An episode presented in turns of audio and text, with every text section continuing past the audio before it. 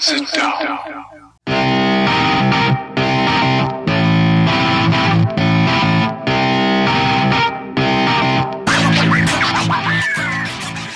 Witam wszystkich i każdego z osobna. Ja jestem Robert Kochan, a to jest Kochana NBA, najbardziej nieobiektywny podcast o najlepszej koszykarskiej lidze świata.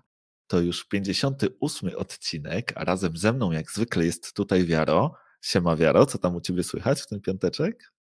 Mm, Siema Robert, cześć wszystkim. A bardzo przyjemny piąteczek. No mamy już teraz naprawdę sporo e, rzeczy e, w NBA, które się dzieją każdego dnia. No także już teraz to już w pełny wir, można powiedzieć, sezonu się rzuciłem. Także no słuchaj, no nie mogę się doczekać, aż, aż zaczniemy o tych wszystkich tematach e, dyskutować między sobą. No to jeszcze Cię poproszę o chwilkę cierpliwości, bo chciałem tutaj mm, przypomnieć jeszcze, że teraz możecie nas posłuchać także na YouTubie, e, na kanale Kochana NBA. Zachęcamy Was do, do tego, żebyście subskrybowali ten kanał. W komentarzach pojawiło się już pytanie o, o jakiś ewentualny live w przyszłości, więc e, no myślę, że, że mogę powiedzieć tak, że, że nie wykluczamy tego. I jeśli zbierze się nas tam e, rzeczywiście jakaś taka no niezła grupka, no to, no to pewnie nie będziemy mieć e, innego wyjścia. Co ty, Wiara, o tym myślisz?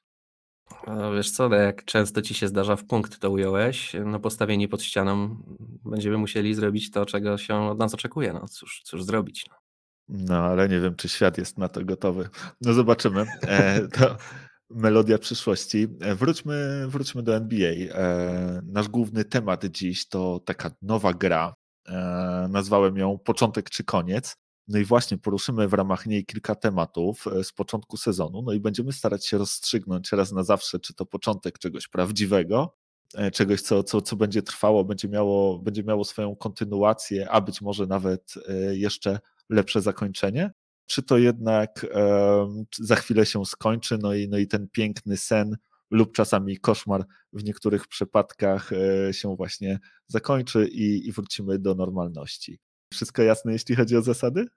Mm, zdecydowanie myślę, że możemy zaczynać. No to jedziemy, słuchaj. Pierwszy temat e, to jest fantastyczny start Chicago Bulls, no bo wczoraj e, jeszcze byli 4-0 na samym szczycie wschodniej konferencji, no a dziś nad ranem e, zmierzyli się w meczu na szczycie e, z New York Knicks. E, no niestety przegrali 104-103 jednym punktem. Nie udało się. Damar DeRozan spudłował rzut w ostatnich sekundach game winnera. Natomiast no ciągle mm, Chicago fantastycznie weszło w sezon. Bardzo dobry początek właśnie tego sezonu dla, dla drużyny Bulls. E, są, a przynajmniej jeszcze wczoraj byli 11 ofensywą ligi, no i w top 3 defensyw. E, no i powiedz mi, e, Wiaro, myślisz, że, że ta postawa Chicago Bulls to jest początek czegoś więcej, czy, czy właśnie jednak koniec i, i, i zaraz się, zaraz przyjdzie prawda, czy wyjdzie szydło z worka? Ja myślę, że już wczoraj trochę wyszło. E, no ja wróżę koniec tego. E, ja nie, nie wydaje mi się, żeby to się miało utrzymać. Wiesz, no też musimy tutaj sprecyzować, o czym dokładnie mówimy, tak? Czy Bulls będą grali z taką skutecznością do końca sezonu i będą na pierwszym miejscu w konferencji wschodniej? No nie, nie to w to nie wierzę, to nie daje temu szans. E, natomiast Bulls będą przyzwoitą drużyną. No to jest, myślę, że wczorajszy matchup bardzo ładnie pokazał to, gdzie oni się plasują jakby w hierarchii tych, tych drużyn na wschodzie.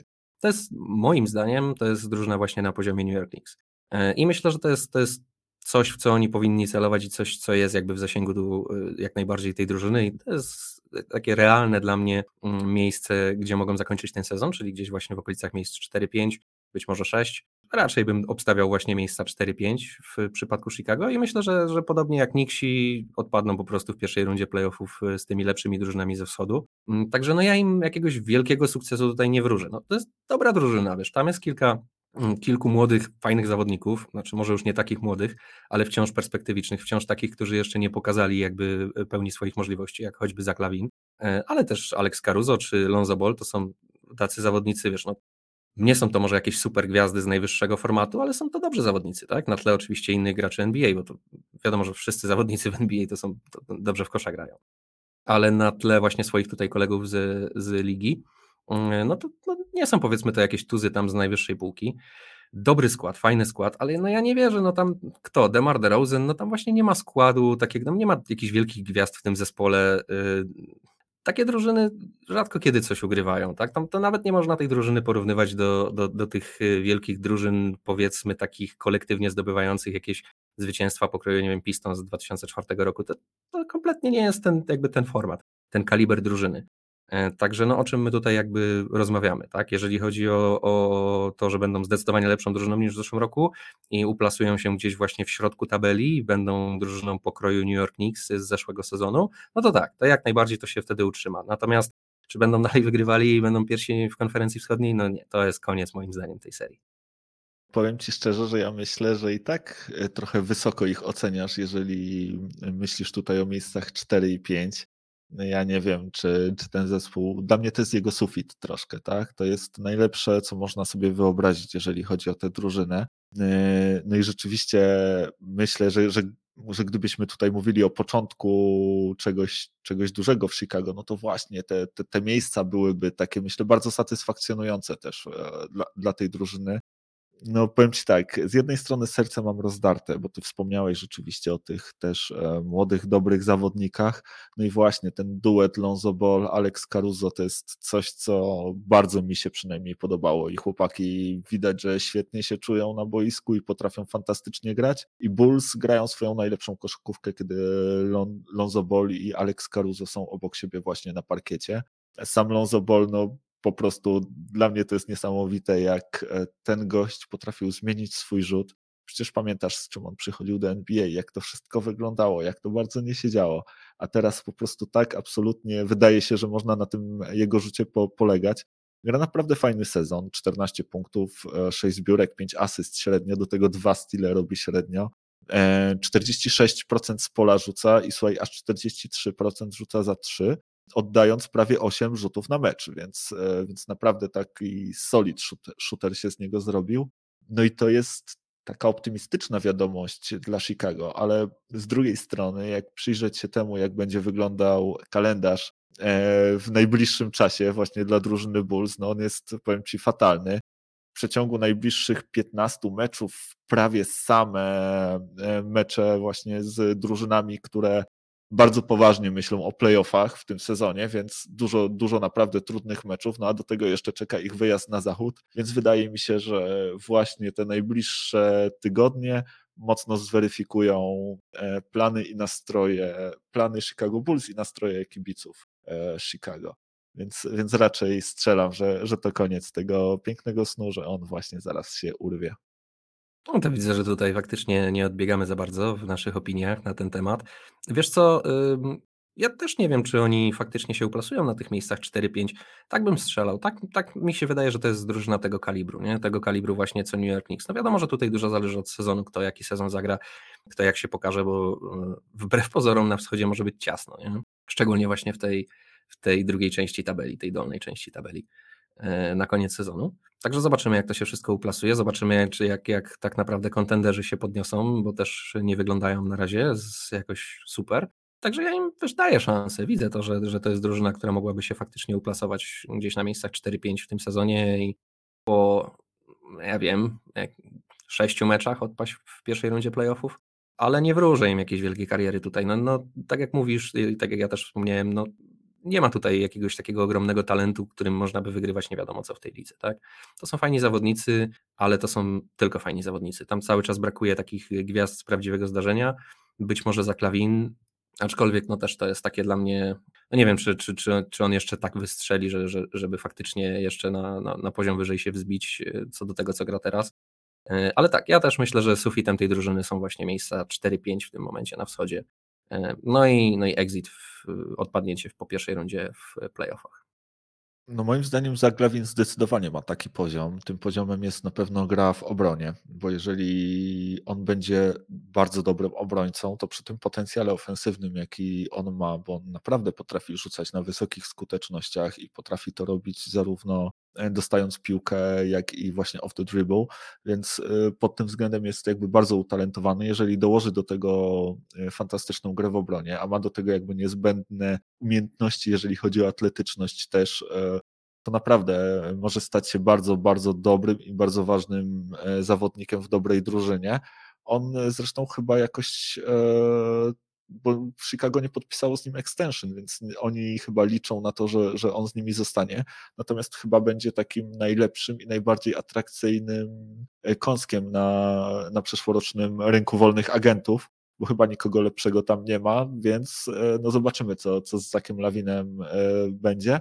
Natomiast właśnie, jeżeli pokaże taką grę w obronie, jaką pokazywał też na ostatniej olimpiadzie, tak, w drużynie USA, gdzie był najlepszym obrońcą w całej drużynie, na parkiecie przynajmniej, tak iTest y, mówił, no to wtedy, wtedy naprawdę może się wspiąć na ten wyższy poziom. Natomiast y, no, oprócz tego, to, to z obroną tam jest naprawdę nie aż tak dobrze, no, no i dlatego właśnie ten, ten Lonzo i Caruso są też tam tak bardzo ważni, tak?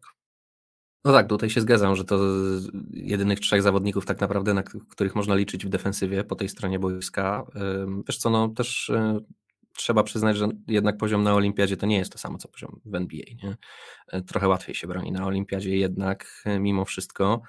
Także no zobaczymy, to jest inne granie, to jest inna koszykówka, tu są troszkę poważniejsi gracze po drugiej stronie parkietu do zatrzymania. Szczególnie na pozycji, na której gra Zaklawin, no to jak tam chcesz być lockdown defenderem pokroju, nie wiem, Kawaja Lenarda, no to musisz się liczyć z tym, że trzeba będzie zatrzymać Duranta, trzeba będzie zatrzymać Lebrona, trzeba będzie zatrzymać, nie wiem, Kleja Thompsona, e, czy, czy zawodników tego pokroju, tak? Mm, także no zobaczymy. No łatwo na pewno nie będzie. Zaklawin też już trochę gra w tej lidze, trochę nam już pokazał się i właśnie no to od, od zawsze widzimy w nim ogromny potencjał w tym zawodniku. No zresztą i ja i tego bardzo lubimy i, i być może nam trochę podpadł jedy, jedyne czym nam mógł podpaść to tym, że okradł kiedyś Arona Gordona tak z, w The Dunk Conteście. A tak to, to, to naprawdę fajny, fajny zawodnik. Ja przynajmniej mam do niego sporo sympatii. Natomiast y, wciąż, no to jak popatrzysz sobie na resztę ligi i na ten poziom, który on tak naprawdę powinien osiągnąć, żebyśmy mogli mu, o nim mówić, że jest super gwiazdą w tej lidze, no to jeszcze kawałek do tego jest. Tak? To jednak nie jest zawodnik e, tego pokroju, co, co nie wiem, no Kevin Durant, LeBron James, Anthony Davis, czy nie wiem, Jokic, czy Kawhi Leonard, to nie jest to nie jest jeszcze ten kaliber. Nie? A jeżeli Bulls mają faktycznie na coś liczyć, to ja myślę, że on musi wskoczyć na ten poziom to ja myślę, że on nigdy na ten poziom nie wskoczy, że, że to jest, e, że on takiego sufitu aż nie ma. Wydaje mi się, że to raczej może być poziom Pola George'a, że to jest, e, to jest ten poziom i co byłoby już bardzo dobrym poziomem, tak? Natomiast no myślę, że ten absolutny top of the top to, to jednak nie. Przynajmniej ja do tej pory e, takich symptomów nie, nie zauważyłem, no ale, no ale wiadomo, on jest ciągle młody, ciągle się rozwija, najlepsze lata kariery jeszcze przed nim, więc bardzo możliwe, że też mnie zaskoczy, nie? No, ma taką szansę, na, jaką ma każdy w NBA, tak? W sensie z takich utalentowanych zawodników, no, że drobna gdzieś jest, zawsze może się tak jakoś wydarzyć, że po prostu wszystkich zaskoczy. Ale no faktycznie nie, nie daje jakby tutaj wszemi wobec powodów do tego, żeby uważać, że kiedyś może wskoczyć na ten poziom, a tak jak mówisz, no jeżeli będzie tylko na, zawodnikiem na poziomie Pola George'a, co oczywiście jest wciąż y, świetny poziom, no to to będzie mało, żeby, żeby bić się o najwyższe cele, tak? To jeszcze będzie potrzebował partnera, będzie potrzebował kolegi jeszcze, który go wspomoże wtedy w tej drużynie. No i tak jak mówisz, no zobaczymy w ogóle, czy będzie grał w Chicago, tak? No bo jakby nie było, będzie wolnym agentem w przyszłym sezonie. No, na pewno w Chicago na to liczą, ale zostawmy na razie Chicago i przenieśmy się do kolejnej drużyny, która na wschodzie radzi sobie bardzo dobrze, czyli do Charlotte Hornets, a konkretnie do jednego z jej zawodników, Milesa Bridgesa, który po prostu gra jak szalony w tym sezonie. Został nawet wybrany Eastern Conference Player of the Week właśnie w pierwszym tygodniu e, sezonu zasadniczego. E, w pięciu meczach robi średnio 26 punktów, 3 zbiórki, 2 asysty, 2 stile, 53% skuteczności z pola, 40 e, za 3, 90 z osobistych, więc klub Larego Belda po prostu e, od początku sezonu zaliczył już 3 30-punktowe mecze, w tym jeden e, przeciwko Brooklyn Nets, więc no, wydawałoby się przeciwko dobremu przeciwnikowi. Gra niezwykle widowiskowo, walczy w obronie, nie boi się trafiać na plakaty, co też pokazał w jednym meczu, gdzie Jalen Brown po prostu absolutnie go sprzątnął. No i właśnie, no i ten początek sezonu jego wygląda absolutnie imponująco i też rekordowo, jeżeli chodzi o jego indywidualne statystyki w wielu aspektach. I Powiedz mi, Wiaro, czy, ta, czy to jest początek naprawdę fantastycznej gry i, i takiej metamorfozy Milesa Bridgesa w, w świetnego zawodnika i shootera? Czy to się zaraz skończy i zapomnimy o tym i Miles Bridges zejdzie do swojego poziomu albo gdzieś tam lekko może będzie, będzie lepszy niż, niż jego wcześniejsza wersja. Wiesz co, to po pierwsze to jest y, chyba najtrudniejsza zagadka dla mnie z ostatnich dni NBA Miles Bridges właśnie, a po drugie ja tu mam klasyczny dylemat pokroju e, serce-rozum. Serce mi mówi kup to, rozum mi mówi coś tu śmierdzi. No i, no i, nie wiem, nie wiem po prostu, co mam o tym wszystkim myśleć. No bo jak spojrzysz na papierze na to wszystko, mało tego, jak spojrzysz też ten, na, po prostu na boisku, jak to wygląda, no to Miles Bridges wygląda rewelacyjnie. No po prostu rewelacyjnie. No naprawdę wygląda jak topowy zawodnik w tej lidze. Nie? No ale z drugiej strony Miles Bridges naprawdę na tym poziomie i to ma tak wyglądać i to już tak będzie. No nic do tej pory na to nie wskazywało. Może były jakieś przebłyski, wiesz, to nie to, że, że Miles Bridges to był jakiś zawodnik, o którym nikt nigdy nie słyszał wcześniej, nie? ale na tym poziomie, no nie wiem, no jestem sceptyczny. Tak jak mówię, serce mi mówi jak najbardziej, no bo, no, no bo podoba mi się to co, to, co, to, co się dzieje w Charlotte, podoba mi się to, jak Miles Bridges się rozumie z Lonzo Bolem, podoba mi się ich wspólna koszykówka i generalnie podoba mi się to, jak ta drużyna gra w kosza. E, no i fajnie, że też mają do tego wyniki, nie? No ale z drugiej strony Miles Bridges, który robi średnio numery pokroju, no nie wiem, Carmelo Antonego ze, ze swoich lepszych lat, no to jest trochę moim zdaniem przegięcie pały. Dlatego naprawdę nie wiem, to jest dla mnie ogromna zagwostka, nie mam bladego pojęcia na co mam postawić.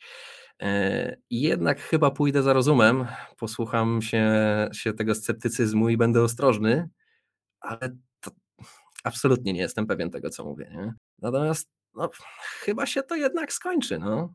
Nie wiem, co ty o tym myślisz?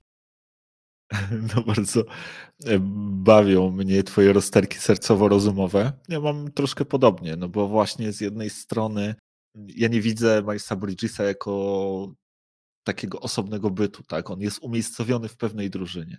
W tej drużynie gra z Lonzo Bolem, z którym mają po prostu absolutnie fantastyczną chemię.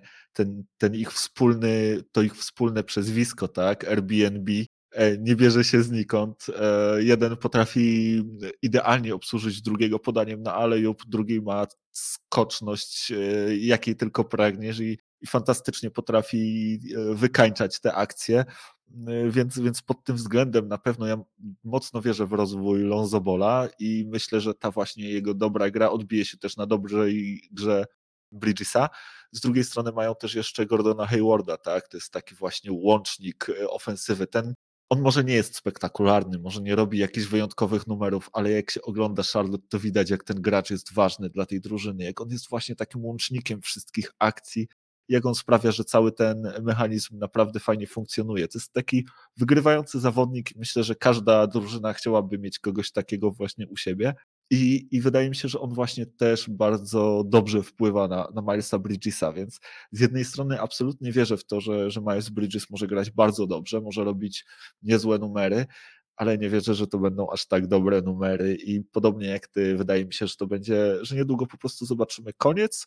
On ciągle będzie grał na, na dobrym poziomie, ciągle będziemy mówili, że hej, Miles Bridges się rozwija, zwróćmy na niego uwagę, gdzieś tam przyjrzyjmy mu się dokładniej, ale, ale to nie będą już tak wysokie numery. Może to przyjrzyjmy mu się dokładniej, przyjdzie też do głowy na przykład trenerom drużyny przeciwnej, którzy będą analizować mecze swoich przyszłych przeciwników, no i właśnie postarają się, żeby tam Miles Bridges dostał lepszą opiekę, e, jeżeli chodzi o, o obronę i, i wiesz, i to się może równie dobrze właśnie szybko skończyć. No powiem Ci, że widzę, że też masz podobne rozterki do mnie. To właśnie tak to jest z tym Milesem Bridgesem, bo jak się go ogląda teraz, jak on gra w tej drużynie, faktycznie to, to bardzo, bardzo dobre spostrzeżenie z Twojej strony, że to jest zawodnik, który jest po prostu częścią tej drużyny i, i jak się go wyjmie i postawi się go w innej drużynie, to on prawdopodobnie bardzo dużo straci z tego, co ma w tym momencie i na pewno nie będzie grał na takim poziomie. E, ale w tej drużynie ma, jest jakiś tam potencjał na to, że to, że to jeszcze chwilę potrwa, e, a na pewno, tak jak mówisz, będzie grał, będzie grał nieźle, bo e, no, z Lonzabolem mają fantastyczną chemię, naprawdę, to się super ogląda, ten duet jest no, no, świetnie po prostu się rozumieją na boisku. Takich dwóch gości, którzy po prostu grają jak jeden, to się fajnie ogląda zawsze na boisku. Mm, więc yy, i tak jak mówisz, on bardzo dużo korzysta też na tym, że, że Lonzo, yy, nie Lonzo, tylko yy, Lamelo gra w tym momencie w, na mm, no naprawdę niezły sezon. Nie? To jest chyba dla wielu takie duże zaskoczenie w tym sezonie, nie? Że, on, że on na taki poziom wskoczył. No i myślę, że tutaj właśnie Bridges dużo korzysta na tym. No ale tak jak mówisz, no, statystyki robi w tym momencie niesamowite i to na jakim on jest w tym momencie poziomie, to nie chce się wierzyć, że ten zawodnik e, może się po prostu utrzymać. No nie ma chyba aż tyle talentu Miles Bridges i, i, i, i żeby, żeby to się utrzymało. Aczkolwiek, no nie wiem, może się obaj mylimy, może nas Miles Bridges zdziwi, będzie most improved player w tym sezonie i naprawdę wskoczy na taki poziom, że jakąś tam szansę na to widzę. To ja ci powiem tak. Nawet jeżeli widzę szansę na to, że to będzie 26 punktów, nawet jeżeli widzę szansę na to, że to będzie 8 zbiórek i nawet jeżeli widzę szansę na to, że to będą dwa stile średnio, co już nie, nie, nie bardzo klub ciężko Berda, to uwierzyć, to nie klub Larego Berda. Nie, nie, nie, nie, nie. Klub Larego Berda dlatego jest ekskluzywnym klubem, e, że niewielu e, Byle udaje się. Tak, tak, tak, tak. To trzeba naprawdę no, być świetnym, solidnym shooterem przez cały sezon i to w każdym aspekcie rzucania piłki do kosza, tak? Nie, nie, ma, nie mhm. ma innej drogi i nie ma wielu zawodników w tym klubie, więc nie sądzę, może się mylę, ale ja myślę, że, że to się skończy.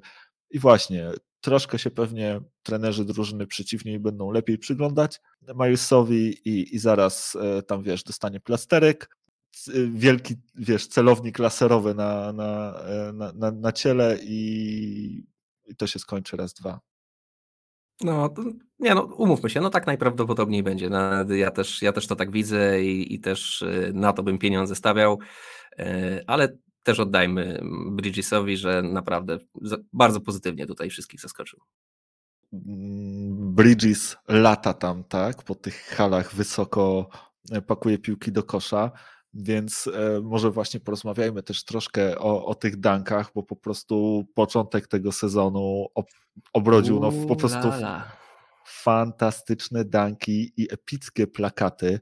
W zasadzie było ich już tyle, że można by było bez wstydu zamknąć ten sezon, ogłosić jego koniec pod tym względem jakby dankowym i, i odpalić, odpalić top, top akcję, bo po prostu no absolutnie, absolutnie wow samych plakatów było tyle, że to się w głowie nie mieści, bo tu i DeRozan, i Jared Allen, i Jalen Brown, i John Collins, w sumie już dwa razy się nawet załapał, Laurie Markkanen na, na MVP aktualnym, tak, OG Anunobi. Robert Williams, zwany też jak, znany też jako Time Lord, Anthony Edwards, Brandon Ingram, Gordon Hayward, no po prostu same, same te nazwiska, które przeczytałem, to są fantastyczne poster danki, a do tego oprócz tego przecież e, Jalen Green, jak tam lata, Jamorant, jak tam lata, no fantastyczny sezon pod tym względem. No i właśnie, powiedz mi, czy to będzie tak, że ten piękny, fantastyczny sen, to bajka, ona będzie trwała przez cały sezon,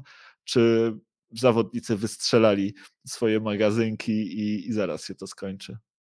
O nie, nie, nie, nie, nie. To, to, to, się, to się długo nie skończy. To jest właśnie najpiękniejsze w tej całej bajce jest to, że ona się jeszcze długo nie skończy. E, no nie, powiem Ci, że mamy taki po prostu wysyp ofensywnego talentu w NBA i to takich naprawdę zawodników, którzy mają to, co miał Vince, mają to, co, to, to, to, co miał, nie wiem, T-Max swego czasu, że po prostu chcieli w każdej akcji, kiedy widzą tylko, że jest jakaś szansa na to, żeby zrobić spektakularną paczkę, to po prostu zamierzają spróbować, nie? I powiem ci, że y, to, co mówisz, to jest jedno, ale jaki highlight reel można by zrobić z nieudanych paczek, z prób po prostu morderstwa na koszu. Nie? To, co chłopaki naprawdę wyprawiają, to, i to właśnie ta młodzież, nie? E, Jamorant czy Jalen Green, no po prostu jestem w szoku, strasznie mi się to podoba ale myślę, że to będzie trwało. Ja myślę, że oni mają po prostu taką mentalność. Ja myślę, że to jest y, to taki, ten taki flair, z którym oni chcą grać, to takie wiesz, e, ta łańska fantazja, e, która się teraz właśnie trzyma tych zawodników i ja myślę, że będziemy to oglądać bardzo regularnie, takie paczki. Nie? Myślę, że to jest tylko początek tego wszystkiego mm, i zacieram sobie rączki tak naprawdę na to, jak, jak, jak będzie wyglądała dalsza część tego sezonu i kolejne tak naprawdę sezony, bo to się nie zapowiada naprawdę, żeby to się miało szybko skończyć. No to widzisz, kolejny raz się zgadzamy. Ja też myślę, że to jest dopiero początek, że raz, że mamy jakby fantastycznych zawodników, którzy potrafią to robić no po prostu idealnie, a dwa, że NBA trochę tego chce, tak? NBA chce tej spektakularności, robi dużo, żeby tych zawodników ofensywnych chronić. Ta nowoczesna koszykówka też otwiera im miejsce pod koszem, tak? Bo wyciągani są ci centrzy gdzieś tam na obwód, więc tego miejsca tam jest więcej do danków. E, no i, i tego będzie jeszcze więcej, bo NBA też e, z tego co słyszałem zamierza ograniczyć możliwość faulowania przy fast breakach, chce bardziej karać drużyny, więc pewnie w przyszłości będziemy jeszcze więcej fast breaków oglądać, a co za tym idzie właśnie jeszcze więcej fantastycznych dunków. Natomiast e, to, co jest dla mnie bardzo, bardzo ważne, to żeby po drugiej stronie byli też zawodnicy, którzy mają ogromne serce w obronie i, i chcą challenge'ować po prostu każdy taki dunk, żeby tam było po prostu jak najwięcej takich Jaretów, Allenów, którzy wyjdą tam na spotkanie przy tej, przy tej obręczy i okej, okay, czasem zostaną sprzątnięci, ale czasem po prostu wyjdą zwycięsko i będziemy też mieli super epicką paczkę fenomenalnych bloków z tego sezonu. Mm, Jason Tatum, mam wrażenie, że ta wiadomość dotyczyła głównie ciebie. E, tak, no, są tacy zawodnicy właśnie jak Tatum, którzy y, podejmują, jak się to mówi, biznesową decyzję, kiedy widzą e, Jalena Greena biegnącego na kosz i stwierdzają, że e, proszę bardzo, droga wolna, śmiało. Nie zamierzam z tobą na plakacie występować. A to jednak raz, że jest po prostu słabe w obronie, dwa, że tak nie prowadzi nigdy do żadnych spektakularnych akcji w obronie, bo jak się nigdy nie będziesz starał takiego bloka komuś zawiesić, tego nigdy nie zrobisz. E, a trzy, że no właśnie zabiera nam wszystkim e, plakaty, tak? No bo tyle o ile fajnie się ogląda Jalena Greena wakującego piłę na wolny kosz, tak jakby tam jeszcze był połamany Jason Tatum gdzieś w powietrzu wiszący na tym plakacie, to by to było wszystko jeszcze fajniejsze, tak? Ja się to akurat nie czepiam Tatuma, żeby ktokolwiek tam jest na tym plakacie taki połamany w powietrzu, to, to po prostu lepiej ten plakat wygląda, także jak najbardziej się podpisuję pod tym, co mówisz, oby to, że mamy tyle ofensywnego talentu i tak dobrze dankujących zawodników w lidze i tylu chętnych do tego, żeby to robić, oby to absolutnie nie sprawiło, że zabraknie chętnych do tego, żeby te danki challenge'ować, bo też chcemy oglądać spektakularne bloki i też chcemy oglądać spektakularne plakaty, także e, nikt wam nie będzie miał za złe, że tam wystąpiliście na plakacie. To też, to też ciekawe, co mówisz w kontekście tego, co ja z kolei chciałem powiedzieć, bo tutaj jakby zapominamy trochę o tym fantastycznym danku Lauriego Markanena na, na Jokiciu. To była chyba taka jedna z bardziej zaskakujących osób w tym, w tym gronie, które wymieniłem, e, no po prostu to, co Lauri wyskoczył i właśnie chciałem się śmiać, że e, Jokic niedawno został tatą, urodziła mu się córeczka podobno i chciałem zapytać, jak myślisz, jak zareaguje, jak kiedyś zobaczy właśnie zdjęcie taty albo ktoś przyniesie jej plakat w prezencie wręczy. Wiesz co, my może trochę o tym zapomnieliśmy, ale myślę, że właśnie Nikola nie, raczej o tym nie zapomniał, raczej o tym pamięta, szczególnie po nocach. Myślę, że też jego bracia mogą o tym pamiętać, więc nie wiem, czy to jest akurat dobra wiadomość dla Lauriego Markanena, tym bardziej, że e, Lauri, z tego co wiem, e, no to on e, jest z Europy, więc może gdzieś chcieć się wybrać do Chorwacji na wakacje, a mm, z Serbii do Chorwacji, jak wiadomo, niedaleko, więc kto wie, czy nie spotka gdzieś na plaży braci Jokicia i nie będą chcieli o tym porozmawiać, co właśnie zrobił ich bratu. No, no ja bym się przestraszył pewnie, jakbym był córeczką Jokicia, jakbym to zobaczył ale nie jestem, więc, e, ale tak, no strasznie go połamał. No tak jak mówię, nie ma co mieć pretensji, jakiś to nawet akurat nie skakał specjalnie, pewnie nawet chciał się odsunąć, tylko w jego przypadku to nie jest takie proste, żeby to tak szybko zrobić, jak ktoś biegnie na kosz, e, więc wylądował na tym plakacie, e, no i tak, niespodziewane, Lauri Markanen nie jest z tego znany, ale no to tylko pokazuje, jak właśnie ogromny jak wysoki poziom talentu jest naprawdę w NBA. Nawet na, na, takich, wśród takich zawodników, o których się właśnie nie słyszy, czy którzy nie dostają nawet dużo szans e, grania w meczach, to jednak poziomem no, no czegoś takiego nie było. Można oczywiście tęsknić do tego, co było w latach 90., e, za tym stylem koszykówki, za tą nostalgią, na której się wszyscy wychowaliśmy, czy, czy w latach 80., ale umówmy się, takiego talentu, takiego nagromadzenia po prostu fantastycznych zawodników o fantastycznych umiejętnościach, koszykarskich to nigdy nie było w NBA, jak jest teraz, nie? No to można, można by się było zastanawiać, wiesz, też NBA jest inna niż była kiedyś, to, to też trudno porównywać ze sobą ery.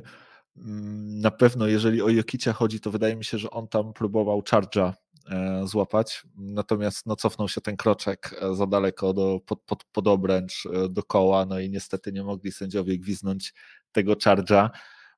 A na miejscu Loriego Markanena, no jakbym zobaczył rzeczywiście cwałujących konno w moją stronę braci Jokic, to pewnie wolałbym, nie wiem, wskoczyć do morza i, i, i płynąć z powrotem do Stanów, niż, e, niż się tam z nimi zmierzyć. E, w mafiozi, e, przynajmniej z wyglądu, ale z zachowania też to, też to tak wygląda.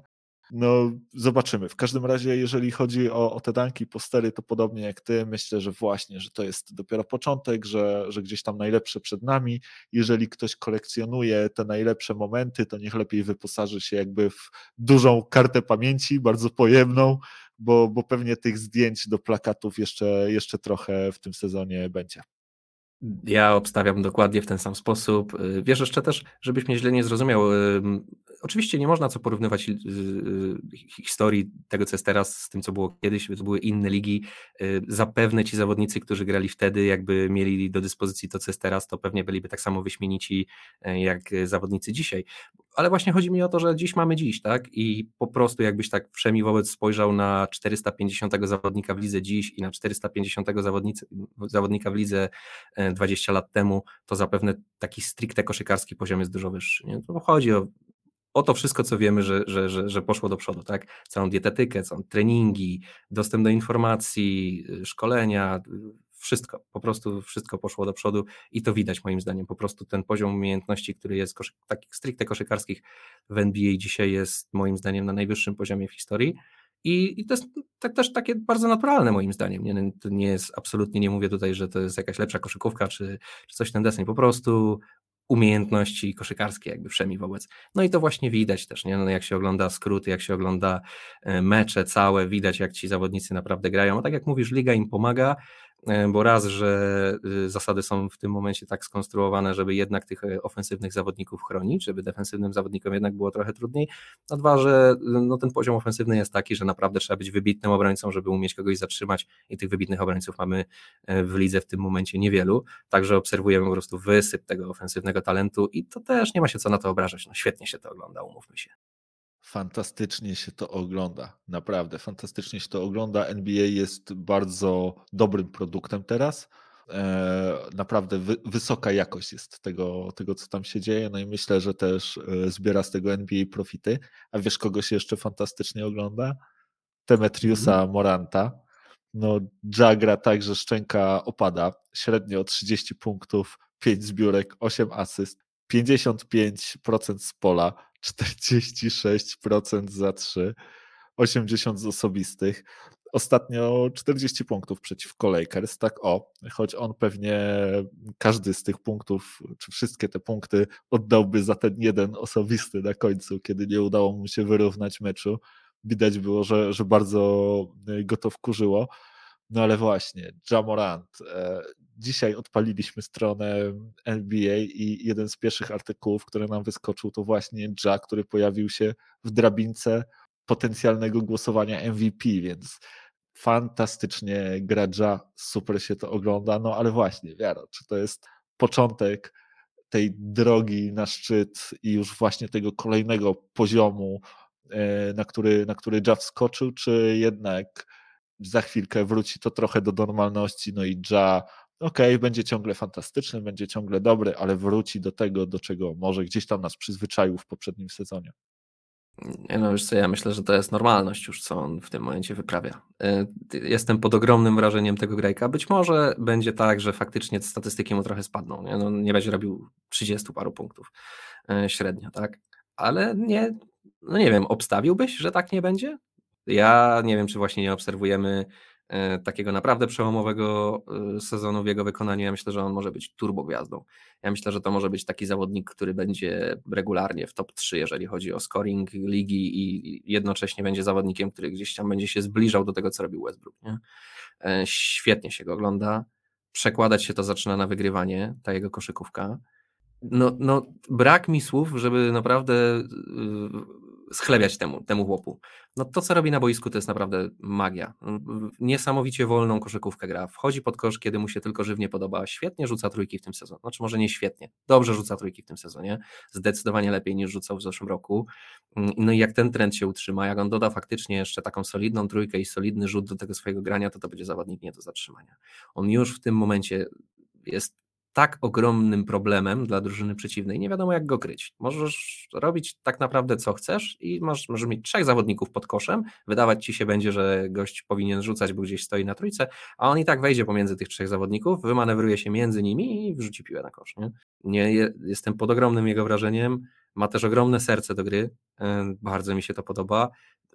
No i atletyczność najwyższej póły i też strasznie szybko myśli. To jest coś, co też mnie osobiście bardzo imponuje na boisku. Jak ktoś ma taką umiejętność, że akcja, która jest już tak naprawdę dawno połamana, w sensie już dawno nie gramy tego schematu, który sobie zażyczyliśmy, bo piłka się już trzy razy odbiła od czyichś kolan, ktoś jej raz nie złapał, dwóch już leży na parkiecie. On w takich sytuacjach potrafi się idealnie odnaleźć i strasznie szybko potrafi z takiej, z takiej połamanej akcji wyprowadzić swoją drużynę i zdobyć punkty. To takie po prostu fantastyczne, szybkie myślenie, umiejętność e, takiego, wiesz, kreowania w biegu i to na szóstym biegu, nie? bo on, on naprawdę nie zwalnia ten gość, jak, jak gra w kosza. No nie wiem, co ja jeszcze tutaj mogę powiedzieć, żeby go bardziej pochwalić. Ja jestem w tym pociągu, y, w jego bandwagonie, w lokomotywie dorzucam do pieca, także ja, dla mnie to to jest tylko początek tego, tego co nas czeka. Y, I ja myślę, że Ja może być naprawdę jedną z największych gwiazd w tej lidze, jakie będziemy mieli za jakiś czas. No proszę, jaką piękną laurkę wystawiłeś, e, Ja. Mm, ja zgadzam się z ogółem, tak, że, że jak najbardziej przed Ja świetlana przyszłość i gra fantastycznie i super się to ogląda. Natomiast myślę, że chyba jeszcze na diet, że wydaje mi się, że to jest na razie tylko błysk tego, co, co czeka nas może za rok, może za dwa. Natomiast tutaj kluczowe dla tych zdobyczy punktowych, jakie on robi, jest to 46% za 3 a wydaje mi się, że Ja tego nie utrzyma. To jest ogromny skok, e, jeżeli chodzi o, o jego skuteczność i wydaje mi się, że to jest właśnie błysk pewnego potencjału, czegoś, co czeka nas w przyszłości, ale niekoniecznie coś, co będzie w stanie utrzymać się na takim poziomie przez cały długi 82-meczowy sezon. No i właśnie ta skuteczność moim zdaniem spadnie, przez co spadnie też liczba zdobywanych przez e, punktów, natomiast no ciągle ten gość jest fantastycznym zawodnikiem, świetnym teammateem i ma super e, też no, podejście do tego wszystkiego, tak? Tą mentalność swoją, to, to jaki jest język jego ciała na, na boisku, fantastycznie się na niego patrzy. Natomiast no właśnie, rzut ciągle moim zdaniem jest pod znakiem zapytania i wydaje mi się, że ten rzut jeszcze nie jest tam, gdzie wskazywałyby te aktualne statystyki. Nie no, 46% to jest zakłamane, to absolutnie e, nie będzie rzucał z taką skutecznością. Zresztą to już nawet wczoraj w meczu e, wróciło do normalności.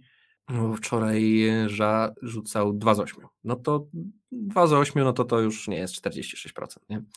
Także mm, nie no, on na pewno wróci do, gdzieś na ziemię, jeżeli chodzi o tą skuteczność trójki. Ja mu wróżę bardziej okolice 36-38%, ale w jego przypadku on do tej pory rzucał 30, 28, coś takiego, on rzucał jakoś strasznie słabo te trójki, jeszcze w zeszłym sezonie. Jak on zacznie rzucać trójki na przyzwoitej skuteczności, jego trzeba będzie kryć tam na trójce po prostu, to, to, to mu kompletnie otworzy drogę do kosza, to mu już kompletnie otworzy po prostu granie. I ja myślę, że to, to już jest ten brakujący element. A jeżeli on kiedykolwiek w, będzie rzucał na poziomie 40 kilku procent za 3, no to, to wyobraźcie sobie wszyscy Russella Westbrooka, który potrafi rzucać na skuteczności 40 kilku procent za 3 i jest jeszcze trochę wyższy i trochę szybszy. I to jest mniej więcej to, co będzie prezentował Jamorant wtedy. Mm, no to, to, to, to będzie terrorysta po prostu w lidze będzie terroryzował całą tą ligę, jeżeli to tak będzie wyglądać. Także ja myślę, że aż tak to czegoś takiego nie zobaczymy, że tam on, że on po prostu nie ma aż takiego rzucać 46% za 3 to naprawdę niewielu potrafi. I myślę, że to czegoś takiego nigdy nie zobaczymy w jego wykonaniu na, na przestrzeni całego sezonu, ale tak jak mówię, jak to będzie 36%, 38% w jego wykonaniu za 3, to ja myślę, że to będzie na tyle groźne, że no, on będzie jednym z najlepszych skorerów, top 3 skorerów w lidze przez najbliższe lata. Nie? A jeszcze dokłada całą resztę do tego. No właśnie mi się wydaje, że to może nawet nie być tyle, wiesz? Wydaje mi się, że to, co teraz jest, jest strogą anomalią. Ja sprawdziłem rzeczywiście teraz po tym wczorajszym meczu, ta jego skuteczność jest już na, na 40%. E, w poprzednim sezonie rzucał 30, w swoim pierwszym 33, więc w poprzednim sezonie ta, ta no. jego skuteczność spadła. Więc ja bym strzelał, że to będzie właśnie gdzieś te 33-34% docelowo. Tak mi się wydaje. No i właśnie to jest jednak duży spadek mimo wszystko, ale, ale wydaje mi się, że właśnie w, gdzieś na tym, w tym momencie jest, jest rzut za 3 ja mi się wydaje, że on właśnie zrobił krok do przodu w porównaniu do poprzedniego sezonu, że po prostu lepiej rzuca te trójki. Nie? I to będzie widać na koniec sezonu, że faktycznie ta jego skuteczność będzie lepsza, ale też nie wróżę mu, żeby był sharpshooterem na zasadzie powyżej 40%. Tak jak mówię, ja myślę, że to będzie coś w okolicach 36-38 i myślę, że to wystarczy, żeby mu otworzyć tą drogę do kosza. Ale y, powiedz mi jeszcze tak, ale wydaje Ci się, że to tak jak o, ten, o tym sezonie mówimy, tak? Że w przyszłości będzie rzucał na takiej 38-40%, czy wydaje Ci się, że to jest w ogóle poza jego zasięgiem? Nie, no wiesz, jak najbardziej to jest gość, który jest młody, który jest bardzo ambitny, który się świetnie rozwija do tej pory, więc ja jestem pewien, że on gdzieś w przeciągu swojej kariery wyrobi sobie taki rzut, na którym można polegać. Mhm, więc Tylko jeszcze tak bym, nie teraz.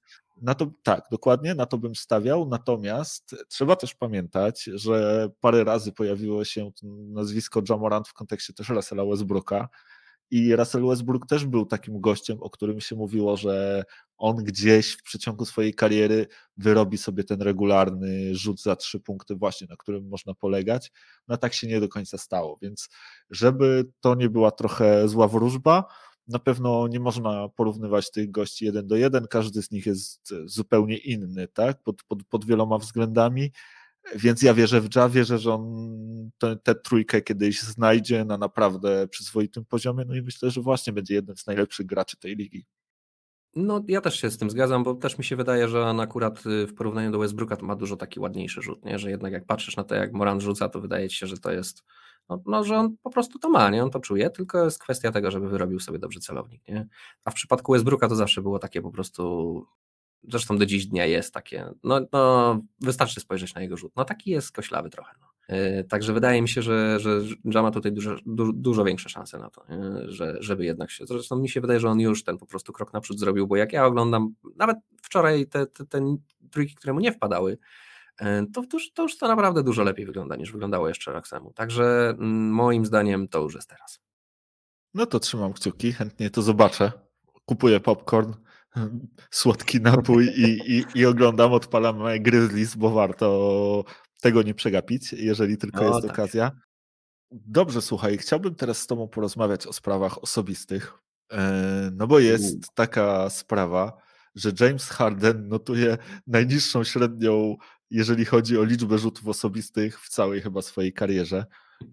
W przeciągu pięciu pierwszych meczów rzucał zaledwie 15 razy z linii rzutów osobistych. Coś takiego chyba przytrafiło mu się w sezonie 2010-2011, jeśli się nie mylę, ostatnio, czyli dawno, dawno, dawno, dawno temu.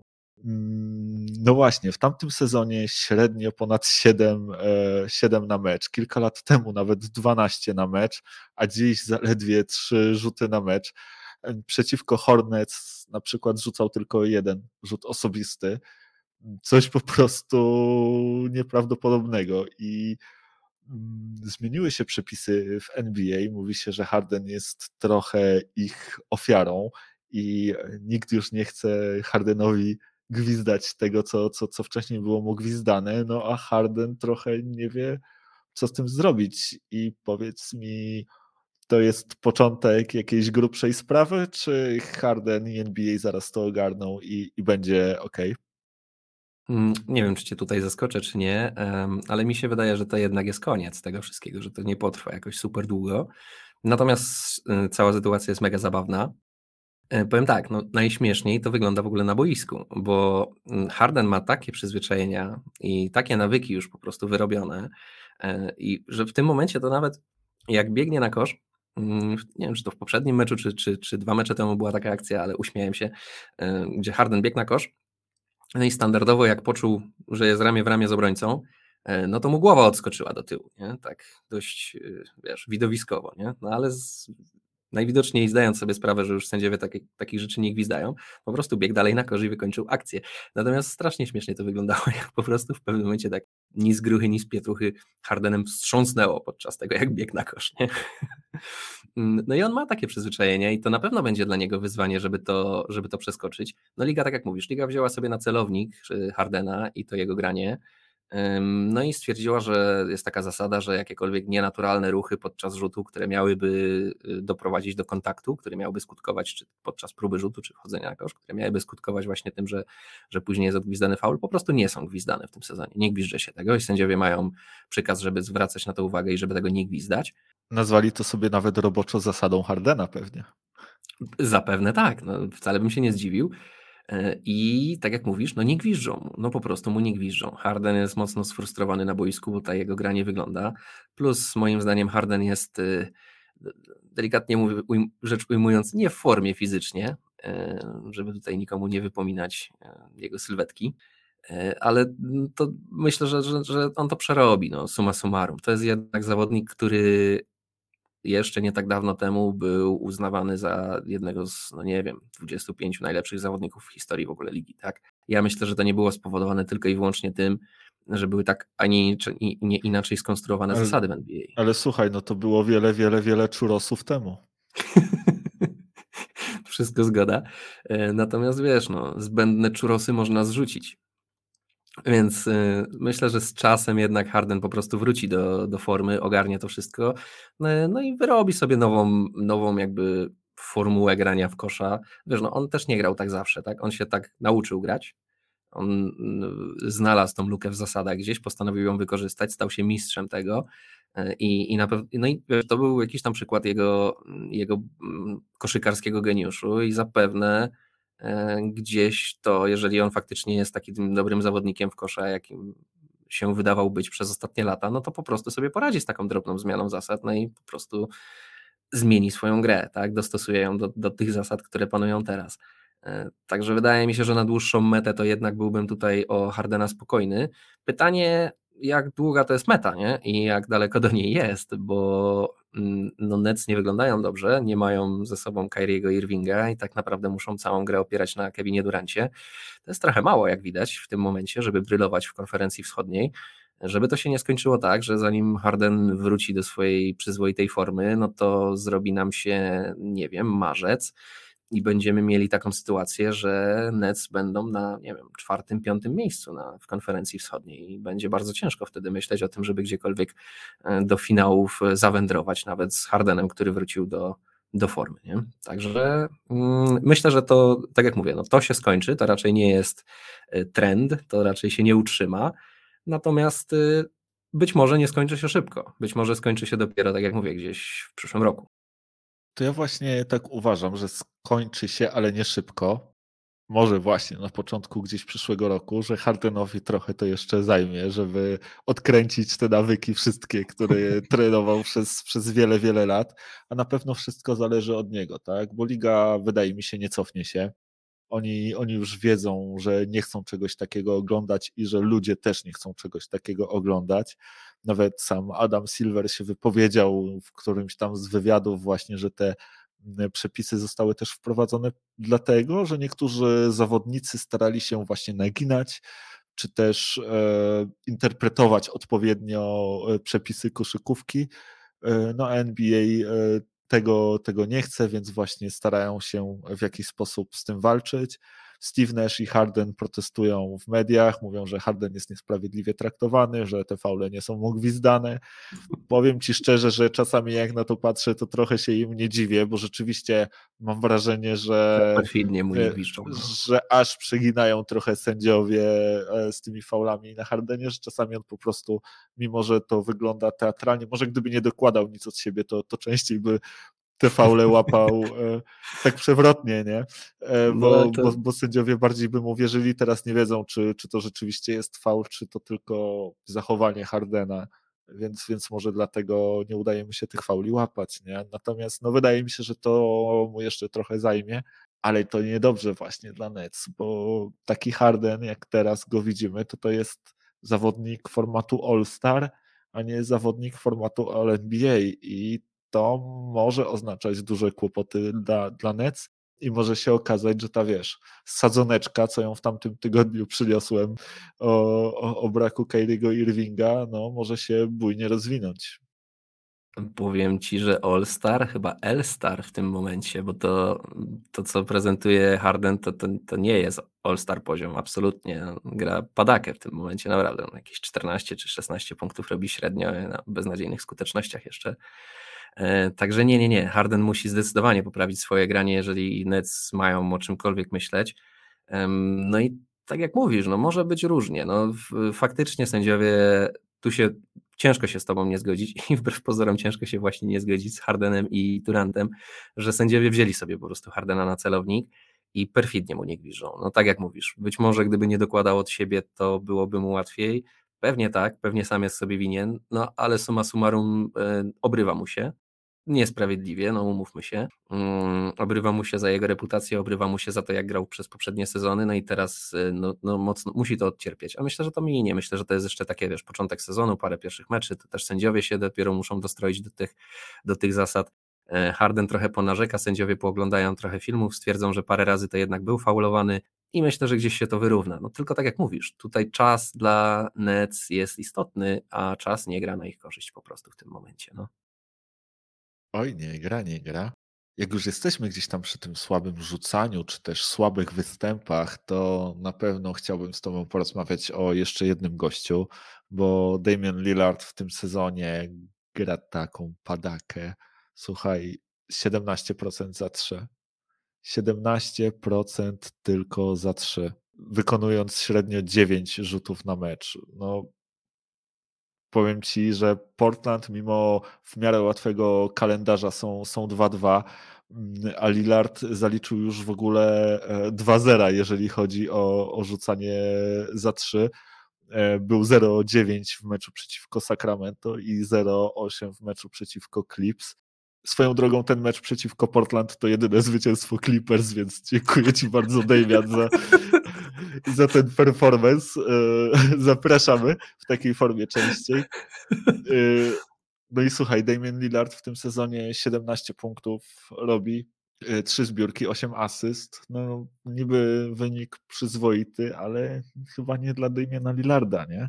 I powiedz mi, to jest początek jakiegoś takiego może początek końca Lillarda w Portland, czy, czy to jednak zaraz się skończy wszystko i wróci do normy i znowu będziemy widzieć Damiena, który puka się w nadgarstek i, i przypomina nam, co to za czas? No nie, to niestety moim zdaniem jest właśnie początek końca. To jest w ogóle dużo tych początków końca, bo to jest też koniec Lillarda moim zdaniem w Portland. E, wydaje mi się, że Lillard już się mentalnie wypisał z tego wszystkiego. Wydaje mi się, że on sam oczywiście y, nie zdaje sobie jakby z tego świadomości, w sensie on w jego głowie on jest all-in, ale wydaje mi się, że on sobie to wmawia, wydaje mi się, że to jest wszystko takie e, no po prostu patykiem na wodzie pisane. To, to, to ich, y, ta ich wiara w Portland, ta ich wiara w to, że tam się da zbudować tą drużynę, to, że oni są wszyscy all-in, to, że wiesz, e, że Lillard i, i CJ i Nurkic mogą coś wygrać razem i że oni sami w to wierzą, że mogą coś wygrać razem. Wydaje mi się, że tam po prostu wszyscy jeszcze robią dobrą minę do złej gry i starają się oczywiście, ponieważ jest bardzo dużo szacunku tam pomiędzy wszystkimi tymi jakby e, zaangażowanymi, bo i Lillard uwielbia Portland i Portland uwielbia Lillarda i tak dalej. Ja myślę, że oni wszyscy chcą i bardzo mocno czarują rzeczywistość, ale myślę, że rzeczywistość jest jaka jest i to właśnie widać na boisku Lillard e, no, no gdzieś, gdzieś nie jest sobą po prostu. No ja myślę, że on sobą będzie dopiero jak e, będzie faktycznie w jakimś nowym miejscu i będzie miał faktycznie mistrzowską drużynę dookoła siebie i, i nie tylko będzie mógł sobie wmawiać to, że może wygrać pierścień, ale naprawdę będzie mógł w to wierzyć gdzieś też tak podświadomie i tak wiesz, całym sobą, a, a, a nie tak sztucznie, jak to teraz jest. Tak przynajmniej ja to czytam, tak, tak ja to widzę, więc e, no szkoda, że to tak się, tak się kończy, ale chyba też trochę to już widzieliśmy, nie? że to tak prawdopodobnie będzie. Wiesz co, ja się chyba nie do końca z tobą zgodzę. Ja myślę, że Lillard to jest taki gość, który nigdy nie ucieka od grindu i który właśnie on to nie jest taki quitter, tak? To nie jest gość, który, który rezygnuje, wycofuje się. Ja myślę, że on jeszcze pokaże nam swoją najlepszą koszykówkę i to już niedługo myślę, że da sporo zwycięstw w Portland, wróci na ten swój fantastyczny poziom i udowodni, dlaczego jest jednym z zawodników, którzy zostali wybrani do najlepszej 75 wszechczasów. Chociaż ja akurat go tam nieszczególnie widziałem, ale, ale na pewno udowodni, że, że jest zawodnikiem bardzo dobrym, najwyższego jakby szczebla, tak? Znaczy, więc, ja więc myślę, że... nie wątpię. Ja myślę, że nikt w to nie wątpi, że Lillard wciąż jest tym zawodnikiem. Nie? Ja myślę, że to jest po prostu kwestia tego, gdzie gra, jak gra i, i jaki to będzie sezon dla Portland. Nie? No jakie oni tak naprawdę mają szanse? No, ja rozumiem, ja, ja naprawdę Cię rozumiem. Ja, ja, myślę, że Lillard dokładnie tak samo o tym wszystkim myśli jak Ty, tylko że gdzieś głęboko wewnątrz, tak po prawdzie, to, to on jednak nie wierzy w to, że z tym Portland można coś ugrać. Tak po prawdzie, to ja też nie wierzę, że on coś z tym Portland ugra. No raczej, raczej wydaje mi się, że to będzie przedłużanie agonii, że przede wszystkim jestem trochę zawiedziony front office'em Portland, który nie był w stanie zbudować mu drużyny odpowiedniego kalibru. Może za dużo tam było jakiegoś takiego trwania w błędzie, może trzeba było wcześniej wytradować, nie wiem, CJ'a, Nurkicia, coś, coś, coś popróbować zrobić z tą drużyną, bo okej, okay, były finały konferencji, ale spodziewałem się dużo więcej po tej drużynie, dużo więcej po Lillardzie na tym etapie kariery. Byłem pewien, że chociaż przynajmniej spróbuję powalczyć o mistrzostwo, nie? A tymczasem no, nie do końca tak to, tak to wyglądało wszystko. No ja, ja właśnie tak to też widzę, że rzeczywistość mimo wszystko nie daje się zaczarować. Nie? I mimo całej lojalności Lillarda i całego jego, całej miłości do Portland, e, to on jednak widzi, że już przed sezonem, przed tym sezonem mówiliśmy przecież o tym, że Lillard nie. Po, mówiło się o Lillardzie w Filadelfii, mówiło się o Lillardzie w Lakers, mówiło się o różnych rzeczach, że Lillard w Portland to już jest to już jest koniec, i, ale no jeszcze gdzieś tam były też y, później jakieś obietnice, że coś tam się niby zmieni i tak dalej. No i co, co, co się stało? No nic się nie stało. Jest taka sama drużyna, jak była w zeszłym roku, tak? Jakieś tam drobne przetasowania. Więc y, ja myślę, że Lillard też to widzi, że mimo, że, że może wszyscy by chcieli ale po prostu rzeczywistość jest jaka jest, nie? I, i, I że gdzieś to po prostu mu tkwi głęboko po prostu w głowie i to widać potem na boisku, nie? Że, że mimo wszystko jednak 17% no, za 3, co nie, wszyscy wiemy, że to nie jest Damian Lillard, nie? Myślę, że nikomu nie musi nic udowadniać, myślę, że nikt absolutnie nie wierzy w to, że Lillard będzie grał na takim poziomie teraz, nie? To jest, wiadomo, że to jest anomalia, wiadomo, że to jest zawodnik, który na trójce, on żyje z trójki, to jest jeden z, naj, jeden z najlepszych shooterów w ogóle w historii ligi, na pewno wróci do tego swojego poziomu, tylko czy to będzie w Portland, czy on po prostu już jak dla mnie to to jest właśnie początek końca Lillarda w Portland. Być może nawet będzie miał jeszcze jakieś przebłyski formy w tym sezonie, bo to tak jak mówisz, to jest zawodnik, który na pewno nigdy się nie podda, nigdy nie, nigdy nie, nigdy nie ucieknie i nawet jak cała rzeczywistość będzie mu mówić, że nic z tego nie będzie, to on będzie paru naprzeciwko i starał się, starał się po prostu ze wszystkich sił. Tak? Ja absolutnie w to wierzę. Natomiast wydaje mi się, że jednak nie da się tego zakłamać, że tak jak my widzimy to, że w tym Portland po prostu nic nie będzie, tak i to Portland wie, to wiesz, to są inteligentni goście i CJ przecież to jest gość, który, który wręcz analizuje y, bardzo poważnie NBA w swoich podcastach, nie? To jest taki, taki naprawdę łebski gość. Lillard to jest też łebski gość. Ja, oni, ja myślę, że oni wiedzą, z czym muszą grać, przeciwko komu muszą grać, jak w tym momencie wygląda liga i co oni mogą tak naprawdę w tej lidze razem zdziałać, nie? i mogą, można oczywiście czarować rzeczywistość, lubić się i chcieć razem coś zdziałać, ale no, no, no, no z czym do ludzi po prostu, no nie, to się po prostu najzwyczajniej w świecie nie uda. Także ja myślę, że takie to, o czym mówisz, taki prawdziwy renesans Damiena Lillarda, to my zobaczymy dopiero w przyszłym sezonie i już prawdopodobnie w innej koszulce. No na pewno ciekawe jest to, co się w Portland stanie. Słuchaj, tak szybciutko, szybciutko, szybciutko, dosłownie w paru słowach na koniec. Ostatnio nie widzimy LeBrona Jamesa w Lakers. Powód naciągnięta kostka podobno, natomiast wygląda to bardzo podejrzanie na, na load management, tak bym to określił. No i właśnie chciałem Cię zapytać, czy to początek takiego trendu, jaki będziemy mogli obserwować w tym sezonie, że właśnie LeBron James będzie szukał takich e, momentów w sezonie, żeby sobie zrobić e, drobną przerwę od meczów w tym, czy, czy jednak to się skończy, jednak LeBron tak jak on zwykle zwykł mówić, e, będzie, będzie tutaj chciał jak największą liczbę meczów zagrać i wystąpić w każdym, w którym tylko może. Nie, nie, tu myślę, że tu to jest akurat prosta zagadka z tego, z tego tygodnia. Myślę, że tutaj można to śmiało po prostu wziąć, postawić na to pieniądze i zanieść to do Bookmachera, e, że to będzie trend, to się będzie kontynuowało, to tak będzie wyglądało, ale LeBron będzie bardzo obolały w tym sezonie. Będą go kolana boleć, plecy, łokcie, nadgarstki, kostki. E, no, będzie cały kontuzjowany od stóp do głów, e, szczególnie w, w meczach back-to-back będzie bardzo cierpiał wtedy, więc y, jestem w 100% przekonany, że to będzie trend, że to będzie kontynuowane, tym bardziej, że ja się dopatruję jeszcze drugiego dna w tym wszystkim. Mi się wydaje, że LeBron to robi też trochę z premedytacją, żeby dać Westbrookowi i Antonemu Davisowi y, czas na boisku razem, po prostu bez niego.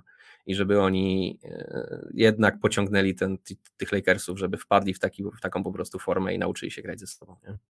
Tylko to jest moim zdaniem błąd bo tak naprawdę kluczem do sukcesu Lakers jest wkomponowanie Russella Westbrooka w tę drużynę i to się nie uda, jeżeli Russell Westbrook będzie mógł być Russellem Westbrookiem z poprzednich drużyn, tak? Gdzie piłka jest cały czas w jego rękach, to wtedy, kiedy przyjdzie LeBron i kiedy dostanie piłkę, Russell znowu nie będzie wiedział, o co, o co chodzi i gdzie się znaleźć, więc akurat e, to nie jest chyba aż takie, moim zdaniem, mądre rozwiązanie, bo to, że Russell Westbrook z Antonem Davisem powinien grać bardzo dobrze, no to tego wszyscy byśmy się spodziewali, natomiast no wydaje mi się, że do tego, żeby właściwie Westbrooka wykorzystać, będą potrzebowali go, e, no, będzie musiał wystąpić w nieco innej roli, tak? W tej drużynie na pewno na koniec to LeBron będzie miał piłkę i to raz będzie się musiał dostosować. No i też wydaje mi się, że, że to będzie trend, że jednak będziemy widzieć właśnie tutaj te, te poszczególne momenty, kiedy LeBron będzie nam wypadał. E, na pewno my postaramy się, żeby w naszym przypadku takich momentów nie było nawet kiedy będą nas boleć kostki czy nadgarstki, to, to będziemy starali się do Was mówić co tydzień i bardzo dziękujemy Wam za, za kolejny odcinek, że byliście z nami. No i oczywiście, jeżeli chcielibyście się z nami czymś podzielić, e, jeżeli macie swoje własne opinie na tematy, e, o których rozmawialiśmy, czy to jest początek, czy, czy koniec właśnie serii, dawajcie nam koniecznie znać. Piszcie do nas na kontakt małpka